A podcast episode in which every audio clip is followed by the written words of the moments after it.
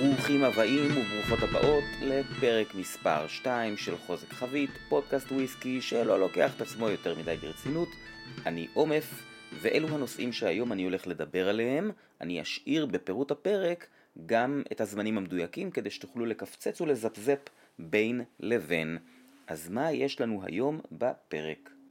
אנחנו נתחיל עם פינת המונח, ובפינת המונח היום אנחנו נדבר על מהם חמשת סוגי הוויסקי הסקוטי שמותר לעשות בסקוטלנד. אני גם לפני זה אסביר למה אני חושב שפינת המונח היא פינה חשובה גם למתחילים וגם למתקדמים. לאחר מכן נעבור לפינת החדשות, יש לנו חמישה אייטמים מהעולם ומהארץ. אחרי פינת החדשות אנחנו נדבר בפינת ההיסטוריה על ההיסטוריה של המזקקה הכי זנוחה והכי גדולה באי Islay, וזו מזקקת Caol Ila, או Caol Ila, או אה, איך אומרים את זה בכלל. אה, רמז, זה לא משנה, העיקר שטעים לכם. אחרי פינת ההיסטוריה, בפינת עומף תואם, אני הולך להשוות בין המהדורה הרגילה של Compass Box Peat Monster למהדורה המיוחדת, ה special edition, שנקראת Arcana. אז זה מה שיש לנו בפרק היום, ובואו נתחיל. למען האמת, לפני שאני מתחיל, אני רוצה לתת איזה פתיח קטן ולהגיד לכולם ולכולן תודה רבה. אה, מרגע זה אני עובר ללשון זכר, אה, רק מתוך נוחות כמובן. אה, וויסקי זה גם לנשים, אפשר לשמוע שאני מדבר על זה בפרק הראשון. תודה רבה לכל המאזינים והמאזינות. קיבלתי הרבה מאוד פידבק טוב וכיף, ושאלתם וביקשתם והצעות לשיפור. וכל מיני פינות שתרצו שאני אעשה, או מונחים שתרצו שאני אדבר עליהם, וזה היה פשוט אדיר. אז תודה רבה, אני מבטיח לנסות להשתפר ככל שאוכל.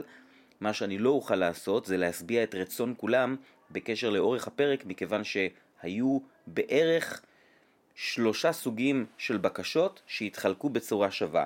תשאיר את הפרק באותו זמן, תאריך את הפרק ברבע שעה, או תקצר את הפרק באיזה רבע שעה. אז חבר'ה, הפרק זה הפרק, זה מה שיהיה, מי שירצה לקפצץ או לזפדפ, יהיה לכם את הזמנים ותוכלו לעשות את זה בכיף. אז בואו נתחיל עם פינת המונח. למה בעצם צריך פינת מונח? תראו, היום בעולם הוויסקי, זה נכון כמובן לגבי הרבה מאוד דברים אחרים, אבל אנחנו פודקאסט וויסקי, שאומנם לא לוקח את עצמו יותר מדי ברצינות, ובכל זאת, אנחנו נמצאים במצב מאוד מיוחד, ש... ב- ב- ביחס ללפני נגיד 20 שנים, המהפכה של המידע בתחום הזה השתנתה בצורה אדירה. כמובן שמהפכת המידע ב-20 השנים האחרונות היא מהפכה כללית. לפני 20 שנה היה קשה להשיג מידע, או יחסית המידע היה פחות נגיש מאשר היום, זה נכון לגבי הרבה תחומים. מה מיוחד בעולם הוויסקי? שמהפכת המידע משולבת גם בעלייה גדולה בצריכה. כלומר, יש לנו פה מוצר שב-20 השנים האחרונות, יחד עם מהפכת המידע, אני לפני 18 שנים, כמעט 19, שהתחלתי לברמן, כשהייתה לי שאלה, הלכתי לשני הבוסים שלי, גרשון ורותם, שהיו אנשי וויסקי מאוד מיודעים וידענים, בטח ביחד לתקופה שאין בה אינטרנט. יש לך שאלה, אין למזקקה אתר שאפשר לפנות אליו, אין בלוגרים שאתה יכול לקרוא מה הם חושבים. אמ, זה מה שהיה. או שקיבלת ספר ששלחו לך מארצות הברית או מאירופה, או שטסת בעצמך למזקקה וראית במו עיניך. אז המצב היום הוא שונה, והיום אנחנו נמצאים במצב שבו יש עודף מידע שקשור לכך ששוק הוויסקי ב-20 שנה הללו עלה בצורה מטורפת, ושזה משקה שיש לידע בו הרבה משמעויות. גם עבור צרכן שפשוט רוצה לדעת מה הוא רוצה. אני לא מדבר איתכם על אנשים שהם מאוד מאוד אוהבים וויסקי ורוצים לדעת כל מה שיש לדעת על זה. פינת המונח מבחינתי באה לעשות איזשהו סדר ואיזושהי פשרה בין הדברים הללו. כלומר, מצד אחד אני רוצה בכל פעם לתת את הדעת על איזשהו מונח שיעזור לכם ולכן להיות צרכנים יותר טובים ויותר מיודעים ונבונים, ומצד שני לא לאכול את הראש יותר מדי, לא להיכנס יותר מדי לדברים שהם אולי מעניינים, אבל עבור הצרכן בסוף בסוף אין להם באמת כזאת חשיבות גדולה. אז אני עושה פה איזושהי פשרה שגם באה לפשר ב...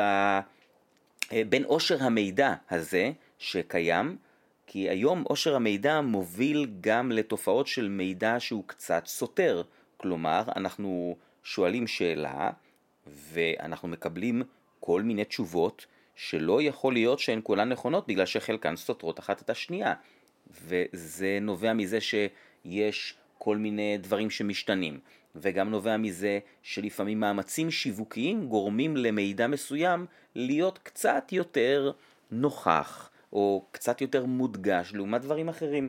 אז בגדול, בפינת המונח אני רוצה להגיש ולהנגיש מידע כדי שיהיה פשוט וקל לעיכול, זה כמובן גם אומר שלעיתים אני אצטרך לעשות מעט הפשטה, אבל זו הפשרה וזה חלק מלא לקחת עצמך יותר מדי ברצינות.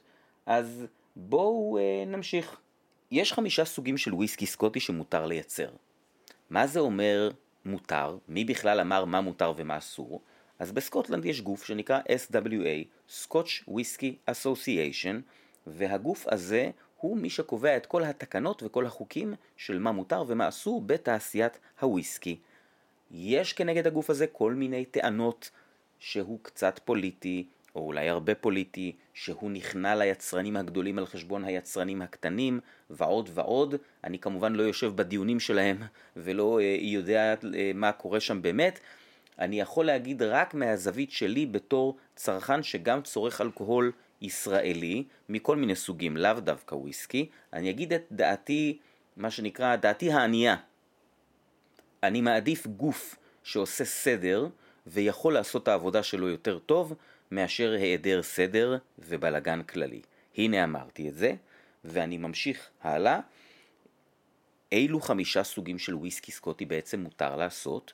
אז תראו, הנושא הזה עובר איזושהי אבולוציה ככל שעובר הזמן, גם מבחינת מה מותר ובעיקר מבחינת המושגים שצריך להשתמש בהם, או שיותר נכון מותר להשתמש בהם, ובסופו של דבר יש לנו שתי לבנים, שתי אבני בניין, שהן בונות את כל הבניין הגדול הזה שנקרא וויסקי סקוטי. אלו הן שתי הלבנים הללו. מצד אחד, יש לנו סינגל מלט. כשאתם רואים על תווית, או כשאתם שומעים את המילים סינגל מלט, מה זה בעצם אומר לנו על הוויסקי, על הנוזל שיש לנו בבקבוק או בכוס? זה אומר לנו עליו בסך הכל שלושה דברים בוודאות. הדבר הראשון, הוויסקי הזה עשוי במקום אחד בלבד, זה הפירוש של המילה סינגל, מקום שאני יכול לבוא למפה, להניח עליו אה, את האצבע על המקום הזה, על הכפר, על הטירה, איפה שזה לא יהיה, איפה שהמזכרה נמצאת, ורק שם מייצרים את הנוזל. זה דבר ראשון. דבר שני, הוויסקי הזה עשוי אך ורק משעורה מונבטת או מולטטת, מה שנקרא מלטד ברלי. אין שם שום דגן אחר בחומר הגלם. הדבר השלישי הוא שהוויסקי הזה עשוי בזיקוק דודי. זיקוק דודי היא אחת משתי שיטות הזיקוק בסקוטלנד. אני בעתיד אעשה איזשהו פרק שבו אני קצת ארחיב יותר על העניין הזה. בואו נאמר זיקוק דודי, שיטה יותר מסורתית, יותר עתיקה ויותר איטית, שמייצרת תזקיק יותר עשיר. יותר ממה? נעבור ללבנה השנייה, single grain whisky. מה המשמעות של single grain whisky? single אתם כבר יודעים. מקום אחד, מזקקה אחת בלבד. מה זה אומר grain whisky? גריין וויסקי נעשה מדגנים אחרים שהם לא שעורה, והוא בהחלט יכול להיות גם שילוב של כל מיני דגנים שכאלה, לדוגמה 15% שעורה ו-85% תירס, או תוסיפו לעניין הזה גם חיטה באיזשהו אחוז, זה לא באמת משנה. הדבר הנוסף, סינגל גריין עשוי בזיקוק רציף, לא בזיקוק דודי. כמו שאני אסביר בהמשך מה זה זיקוק דודי, אני גם אסביר מה זה זיקוק רציף, ובגדול, רק בשביל פינת המונח, תזקיק בזיקוק רציף הוא תזקיק שנעשה יותר בקלות, יותר במהירות, עם פחות עלויות, ובגדול הגוף שלו קל יותר. הזיקוק הזה מפשיט יותר טעמים במהלכו, ונותן לנו תזקיק יותר נקי.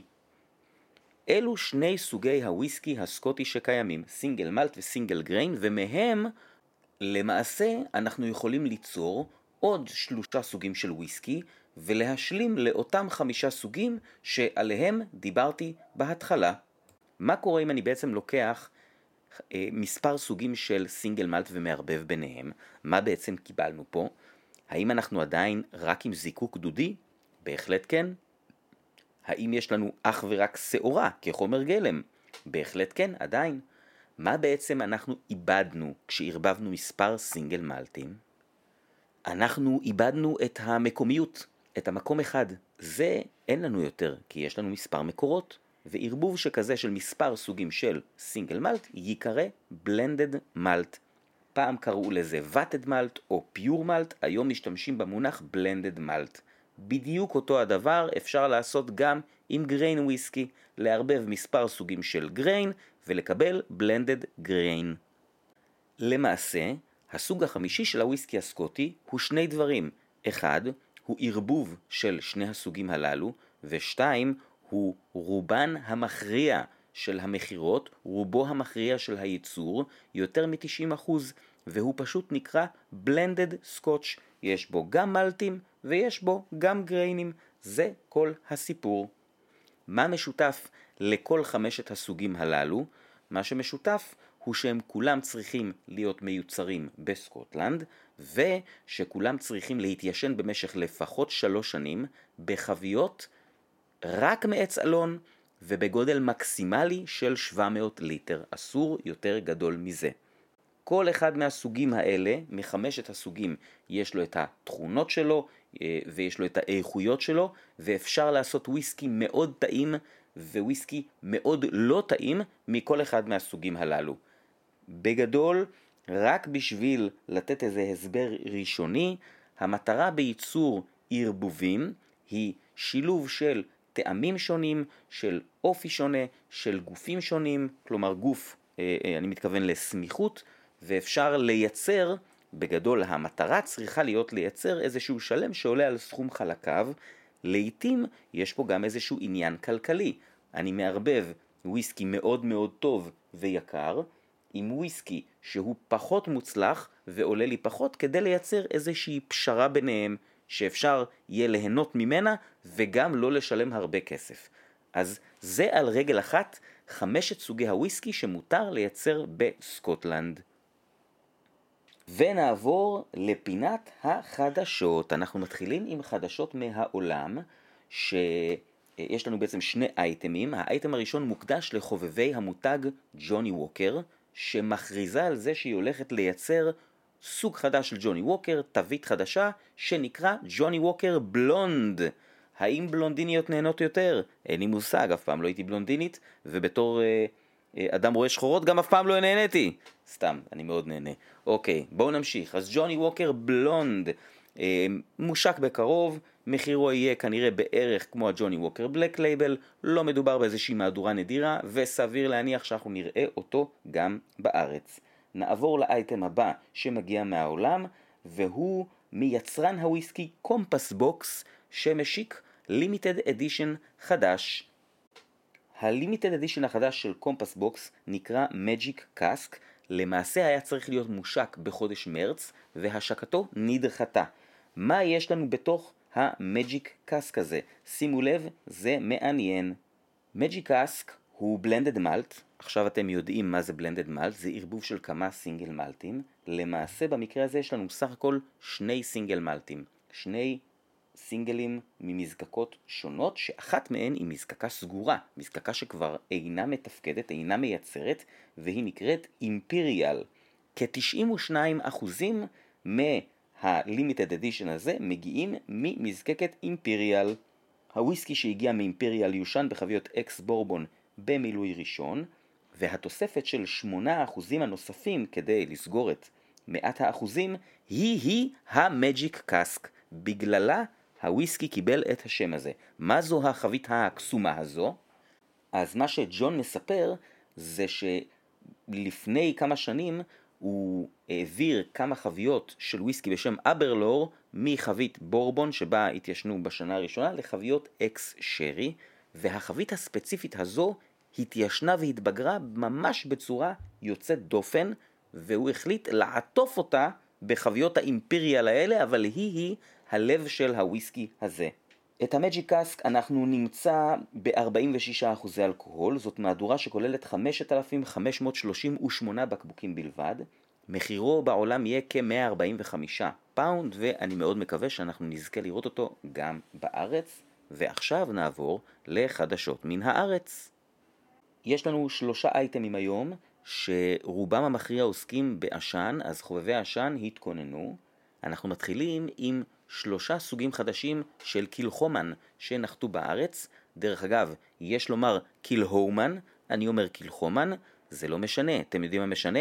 האם הוויסקי טעים? והוא בהחלט, בהחלט נשמע טעים. עוד לא טעמתי אף אחד מהם, אני בקרוב אעשה את זה ואדווח לכם. אז ככה, מה הגיע לנו מהמזקקה הזו שמגיעה מהאי איילה? ראשית, המהדורה העשירית של הביטוי שנקרא 100% איילה, מהדורת הסינגל פארם של קילחומן, זה ה-100% איילה המבוגר ביותר שאי פעם יוצר, הוא בן תשע, והוא רובו המכריע מתיישן בחביות אקס בורבון, 39 חביות שכאלה, ועוד שתי חביות ex sherry, סך הכל יוצרו 12,400 בקבוקים, מחירו לצרכן בארץ כ-350 שקלים. המהדורה הנוספת שמגיעה היא מהדורת חוזק חבית של Machir Bay. Machir Bay הוא ה entry level של Kilchoman, הוא הביטוי הפשוט ביותר שלהם, לעניות דעתי מה core range גם הטעים ביותר שלהם. וכאן יש לנו מהדורת חוזק חבית ב-58.6%. אני רכשתי בקבוק ואני מתכוון לדווח על טעמו ברגע שאני אפתח אותו. המהדורה השלישית של קילחומן, אני מודה שהיא המרגשת ביותר מבחינתי. מדובר בקילחומן שהתיישן בחביות שרי מסוג פינו. זה אה, אישית השרי האהוב עליי יחד עם מנזניה. יש כאן מהדורה של סך הכל 10,500 בקבוקים שהתיישנו ב-12 חביות שרי פינו מאותה בודגה, בודגה שנקראת מיגל מרטין שאיתם קילחומן אוהבים מאוד לעבוד. מתוך 12 החביות האלה, 11 הן חביות פרסט פיל, כלומר השתמשו בהן פעם ראשונה, ואחת היא ריפיל. הוויסקי הזה מגיע ב-46% אלכוהול, וגם עליו אני אסביר אה, מה חשבתי ברגע שאתאם אותו. מחירו לצרכן כ-450 שקלים. אני עכשיו קולט שלא אמרתי מה המחיר של המאכיר ביי, צפוי להיות כ-340 שקלים לצרכן. עוד אייטם בחדשות מהארץ, מזקקת ווטרפורד האירית עושה עלייה עם שני ביטויים. תוכלו למצוא בארץ שני ביטויים של המזקקה הזו שהיא הכי מעניינת והכי סקסית בעולם הוויסקי בשנים האחרונות וזה ממש פרויקט מעניין של בחור בשם מרק רניאר שהוא מי שבעצם אה, אחד האחראים לתחייתה מחדש ולהצלחתה של ברוכלדי והוא הולך ליישם בווטרפורד את החזון שלו ומהו החזון שלו? טרואר בתחום הוויסקי. מרק טוען שהדבר החשוב ביותר הוא השעורה, איפה היא גדלה ואיך היא גדלה. למעשה, מזקקת ווטרפורד עובדת עם כמה עשרות חוות, והתוצרת של כל חווה מזוקקת, מתיישנת ומבוקבקת בנפרד. כרגע, המטרה העתידית היא לייצר איזשהו שילוב של נוזל מכמה חוות. כרגע אנחנו יכולים למצוא בארץ שני ביטויים שהם, כל אחד מהם כמובן מגיע מחווה אחרת, והם הביטוי השני שמגיע מהחווה הזו. יש לנו את שיסטאון 1.2 ואת בלי מורגן 1.2, טעמתי את שניהם, שניהם מאוד טעימים בעיניי. אני מצאתי את השיסטאון יותר מיוחד ומעניין, ומחירם לצרכן בין 320 ל-350 שקלים. אייטם אחרון בחדשות מהארץ, חובבי אוקטומור, שימו לב, זה בשבילכם. בתחילת חודש ינואר הולכים להגיע לחנויות 66 בקבוקים בלבד של אוקטומור מהדורה 9.1. מהדורה 9.1 מתיישנת בחביות אקס בורבון, כמו כל אוקטומור שהוא נקודה 1. במקרה הזה מדובר בוויסקי בן 5 שנים, מגיע בחוזק החבית 59.1% אלכוהול, ורמת העישון שלו 156 ppm, שזה אומר שהוא איפשהו במקום טוב באמצע מבחינת אוקטומורים. לא מפלצת עם יותר מ-300 וגם לא אוקטומור רזה יחסית עם 100 נגיד או משהו באזור. מחירו לצרכן בין 650 ל-750 שקלים, אני שוב אומר 66 יחידות. מי שחובב אוקטומור ויש יותר מ-66 כאלה בארץ, אני מציע ללכת ולהשיג אחד לפני שהם נגמרים. ונעבור לפינת ההיסטוריה. את פינת ההיסטוריה היום אני הולך להקדיש למזקקה אה, שהעברתי עליה סדנה לפני יומיים, וזה לא מה שהיה אמור להיות, כלומר הפינה הזו הייתה צריכה להיות מוקדשת למזקקה אחרת, אבל מכיוון שהעברתי את הסדנה, וממש לפני יומיים טעמתי שמונה סוגים של המזקקה הזו, שמונה ביטויים שלה, נהניתי מאוד, ואני חושב שצריך לעשות איתה קצת יותר צדק וקצת יותר להציע אותה לקהל הרחב, ולכן אני הולך לדבר איתכם על מזקקת קאול אילה, או קאול אילה, איך בכלל אומרים את זה? ובכן, שימו לב. ב-1846, בחור בשם הקטור הנדרסון הקים מזקקה חדשה על החוף המזרחי של האי איילה, מזקקה קטנה עם שני דודי זיקוק בלבד, כנהוג באותם הימים, לא היו באותם הימים מפלצות עם עשרות דודי זיקוק, גם היום ברוב המזקקות אין כל כך הרבה דודים, והמזקקה הזו בעצם משקיפה על האי ג'ורה, כשביניהן יש את המיצר שהשם שלו הוא קול אילה. כך צריך לקרוא למזקקה, אה, לא שזה משנה, אל תעבדו בזה, תקראו לזה איך שאתם רוצים, העיקר שטעים לכם ואתם שותים. אוקיי, קאו לילה, קאו לילה, מה זה משנה? העיקר שטעים לנו. המזקקה הזו היא אחד הסיפורים היציבים ביותר בתעשיית הוויסקי שאני מכיר. למעשה, מרגע שנפתחה, מאז 1846 ועד 1927, היא עבדה באופן קבוע, עברה מספר בעלויות, שזה משהו שהוא מאוד נפוץ ומאוד נהוג בתעשיית הוויסקי, ועד 1927 לא הפסיקה לעבוד.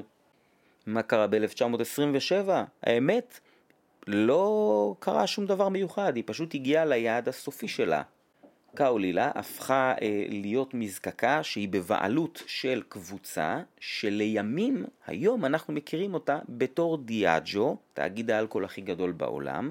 בדרך היא כמובן עברה עוד כל מיני גלגולים, אני מדבר על הקבוצה הזאת, קראו לה לפני כן גם UDV וגם DCL, לא שזה חשוב מאוד, מה שאני רוצה לומר שמאז 1927 למעשה מי שמנהל את קאולילה מנהל אותה אה, בשביל לייצר וויסקי שיועד אך ורק לבלנדים שלו, שזה משהו שהוא כמובן נפוץ והיה קיים כמעט בכל מזקקה, ונקודת הזמן הבאה שהיא מעניינת אצל אה, אה, קאולילה או קולילה היא 1972. אם תבדקו את דברי הימים של תעשיית הוויסקי העולמית, אתם תראו שבעצם תור הזהב הראשון שלה קורה אחרי מלחמת העולם השנייה. במהלך שנות ה-60 אנחנו רואים עדות לעלייה בביקוש ובצריכה של וויסקי סקוטי כאשר מזקקות חדשות נפתחות, לדוגמה דינסטון, תמנבולין, מזקקת אייל אוף ג'ורה, שאומנם מתהדרת בשנת פתיחה 1811, אך למעשה המזקקה הוקמה ב-1963. הייתה שם גם מזקקה מלפני כן, המזקקה הנוכחית היא מזקקה יחסית חדשה משנות ה-60. כמו שיש מזקקות חדשות שהוקמו, יש גם מזקקות שהורחבו, וזה בדיוק מה שקרה לקול אילה. המזקקה נהרסה ב-1972 ונבנתה מחדש כמפלצת גדולה בעלת שישה דודי זיקוק, שמאז ועד היום היא המזקקה הגדולה ביותר באי איילה.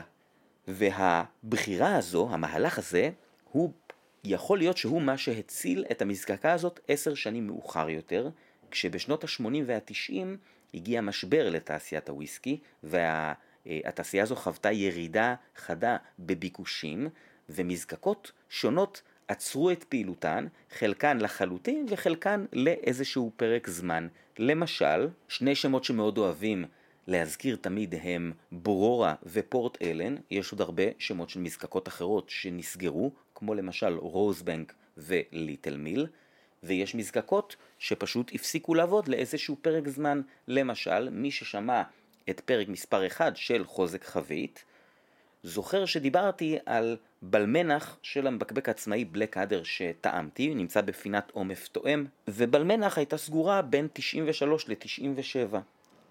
מה שבעצם קרה זה שהבעלים של קולילה החליטו שהם סוגרים חלק מהמזקקות שלהם שהיו מזקקות יותר קטנות ומעבירים את הייצור לקולעילה. למה זה בעצם קורה? אם תחשבו על זה, בשנות ה-80 קולילה הייתה מזקקה חדשה וכנראה די מודרנית, כלומר היא רק הוקמה מחדש ב-1972. היקף הייצור שלה היה היקף ייצור גדול, וזה היה פשוט לא להשתמש בה. כיצד השתמשו בה? ייצרו בה וויסקי לא מעושן. למעשה עד היום חלק מהנוזל שמיוצר בקולאילה הוא וויסקי לא מעושן שמיועד בעיקר לבלנדים למרות שניתן לקנות גם מהדורות של הסינגל מלט הלא מעושן של קולאילה. בקבוקים רשמיים של Caol Ila התחילו רק לפני בערך 20 שנה. כמובן שהיו בקבוקים רשמיים לפני זה, אבל בכמות קטנה יותר. אני סתם אספר לכם שב Old & Rare האחרונה, תערוכת Old & Rare בלונדון, במרץ האחרון, אני טעמתי Caol Ila שזוקק ב-1970 ובוקבק בשנת 85 במהדורה שנקראת Manager's Dram, חבית שרי, זה היה פשוט וויסקי מטריף חושים, מאוד מאוד מאוד טעים, אבל כאמור מהדורה מוגבלת בלבד. אם תרצו לטעום היום את הסינגל מלט שמגיע מקולילה, אתם בהחלט יכולים לעשות את זה. יש להם מספר מהדורות שזמינות גם בארץ, 12 שנים, מהדורה שנקראת DE, 18 שנים, ומספר בקבוקים עצמאיים, למשל של סיגנטורי ושל Rest and Be Thankful, שזה יבוא יחסית חדש. אני חושב שלסיכום, אני רק אציין שהאופי של קולילה הוא אופי שבעיניי מתאים לאנשים שזה לא הוויסקי המעושן הראשון או השני שהם שותים, נגיד הוויסקי השלישי. השעורה של קולילה מגיעה מפורט אלן, בדיוק אותה שעורה שמקבלת מזקקת לגבולין, אחותה היותר קטנה, אך ההרבה יותר ידועה. מסיבות טכניות, שאני לא רוצה כרגע לחפור עליהן, זה קשור לצורת וגודל הדודים וגובה המילוי שלהם, אז בלי לפרט יותר מדי, התוצאה בקולילה פחות מעושנת מהתוצאה בלגבולין. יש כאן וויסקי שהוא מעושן בינוני, והוא נותן הרבה ביטוי לאלמנטים נוספים שהם קצת פחות נעימים לשתיין מתחיל, לדעתי האישית, שקצת יותר קשה להתמודד איתם בהתחלה. משהו צמחי כזה, משהו קצת בוצי ומעופש ומלוכלך, אני אומר את זה בהרבה מאוד אהבה, במיוחד אחרי הסדנה שהעברתי לפני יומיים, ואני חושב שזה בהחלט מזקקה שהיא קצת overlooked, במיוחד בארץ, אני מניח שזה גם קשור לתקציבי שיווק, ובהחלט שווה לכם ללכת ולבדוק את המזקקה הזאת. הוא כולי לה 12 שנה, אחלה בקבוק שבעולם, ויכול לגוון לכם את מדף המעושנים. אז זו הייתה פינת ההיסטוריה שלנו עם קאו לילה או קאו לילה, העיקר שהוויסקי טעים, ולדעתי הוא בהחלט טעים. ואני רוצה להמשיך לפינה האחרונה שלנו, והיא פינת עומף תואם. והיום בפינה הזו אני עושה טעימה השוואתית, זה משהו שאני מאוד מאוד אוהב לעשות, לקחת שני סוגים של וויסקי שאמור להיות להם איזשהו מכנה משותף, עם מזקקה, עם סוג חבית, עם סוג finish, עם נגיד גיל או מוצא, ולראות מה ההבדלים ביניהם בכל זאת. היום החלטתי לעשות טעימה השוואתית בין שני וויסקים שונים שנושאים את אותו השם. השם הוא Peat Monster, מפלצת הכבול. זה וויסקי שמיוצר על ידי Compass Box, יצרן הוויסקי שהזכרתי קודם בפינת החדשות. ואני אה, אספר את הסיפור של הוויסקי הזה לפני שאני אסביר מה חשבתי ומה טעמתי, ובגלל שזה סיפור שהוא אה, סיפור נחמד, שמעתי אותו מג'ון גלייזר, הבעלים של Compass Box, אה, בארוחת ערב, זה אה, סיפור מאוד מאוד יפה, ו... שמתחיל בתסכול ומסתיים בהצלחה. והסיפור הוא כזה, ג'ון אומר שיש לו לקוח, בעלים של חנות וויסקי גדולה, שאמר לו, שמע, אני רוצה וויסקי שיהיה שלי, וויסקי מיוחד לחנות שלי, בוא תעשה לי איזשהו בלנדד מלט, מעושן מאוד. ג'ון אמר, אין בעיה, ושלח לחבר שלו סמפל. החבר טעם את הוויסקי ואמר לו, תשמע, זה נחמד, אבל זה לא מספיק מעושן, אני רוצה משהו יותר מעושן. אז ג'ון אמר, אין בעיה, הכין משהו אחר קצת יותר מעושן, יצר איזשהו בלנדד מלט, ושלח לו את הסמפל. והבחור החזיר את הסמפל עוד פעם עם אותו המסר, הוויסקי לא מספיק מעושן. וג'ון מספר שהריטואל הזה חזר על עצמו כמה וכמה פעמים, ובאיזשהו שלב הוא אמר, אוקיי, אני עושה עוד ניסיון אחד, ואם זה לא יצליח, לא בכוח. לא חייבים, לא נעשה וויסקי ביחד, הכל בסדר. התגובה של החבר שלו הייתה, וואו, this is a real monster, ככה הוא אמר, ומשם נולד השם של ה Peat Monster, מפלצת הכבול. ה Peat Monster הוא blended malt, שיצא כבר במספר גרסאות, כשהעמוד שדרה שלו, הלב של המתכון, הוא ערבוב של Caol Ila ושל Laphroaig, מדי פעם גם עם תוספות אחרות. מה שיפה באתר של Compass Box, אה, שאפשר למצוא בו את המתכונים, טעמתם Peat Monster ואתם אוהבים אותו מאוד, כנסו לאתר ותבדקו מה בדיוק יש שם בנוסף ל Caol Ila ול Laphroaig. השנה יצאה מהדורה מיוחדת, limited edition של Peat Monster, שהיא limited edition מכיוון שהיא באמת שונה, תכף אני אסביר במה היא שונה, והשם שלה הוא Arcana, Peat Monster Arcana. מי שייצר את המהדורה הזאת זה whisky maker שהוא לא ג'ון גלייזר אלא עובד אצל ג'ון, זה בחור בשם ג'יימס, היה לי את העונג להעביר איתו שיחה של כמה שעות על כמה וכמה כוסות של וויסקי, זה בחור צעיר ומבריק, הוא הגיע ל Compass Box אחרי שהוא עבד ב Ballantine's איזושהי תקופה, אם תראו אותו ברחוב כנראה שלא תחשבו שמדובר באדם שמערבב ומייצר וויסקי למחייתו, בכל אופן בהחלט מדובר בבחור ידען וחיובי מאוד. אז מה בעצם חשבתי על ההשוואה בין שניהם הוויסקים הללו? אז תראו, Peat Monster הרגיל לטעמי הוא בגדול Caol Ila על סטרואידים. כלומר, האופי הוא בעיקר אופי של Caol Ila בעיניי, פחות לפרויגי, הוא מלוכלך מאוד, מתובל, עשיר, עמוס. אני חושב שהלכלוך זה הדבר הבאמת הכי בולט בו, ואני חושב שהוא גם הזדמנות טובה לטעום Caol Ila ו Laphroaig ללא chill filtration, וגם במחיר די נוח לצרכן.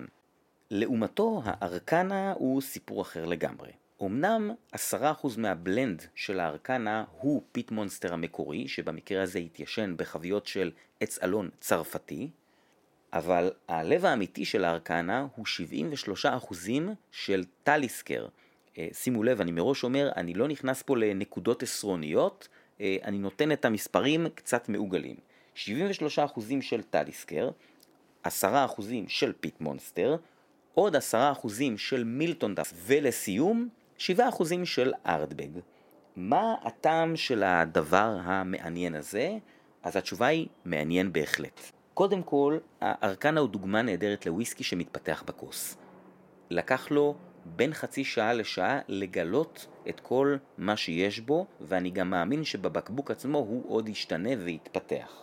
הוא הרגיש לי בהתחלה קצת פלט ולא כל כך מעושן, בעיקר מלוח וימי באף, אבל אחרי חצי שעה הוא לחלוטין נפתח והפך להיות הרבה יותר מעושן. בכל אופן האופי שלו הוא מאוד טליסקרי, כלומר העשן הוא עשן פחות מלוכלך מהפיטמנסטר הרגיל, יותר מלוח, יותר ימי, מה שניהם הרגישו לי פחות או יותר בעלי אותו גוף, הם שניהם מגיעים ב-46 אחוזי אלכוהול, ובהחלט אפשר להרגיש את התרומה של המילטון דף בבורבון, כי יש שם איזושהי מתיקות קרמלית כזאת. בגדול ה Arcana מבחינתי זה קרמל מלוח בבקבוק. מאוד מאוד טעים, ונשאלת השאלה, מה מהם יותר טעים? אז התשובה היא שאני לא חושב שאפשר באמת להשוות ביניהם, ולטעמי האישי, השימוש בשם Peat Monster הוא לא כל כך מתאים ל Arcana.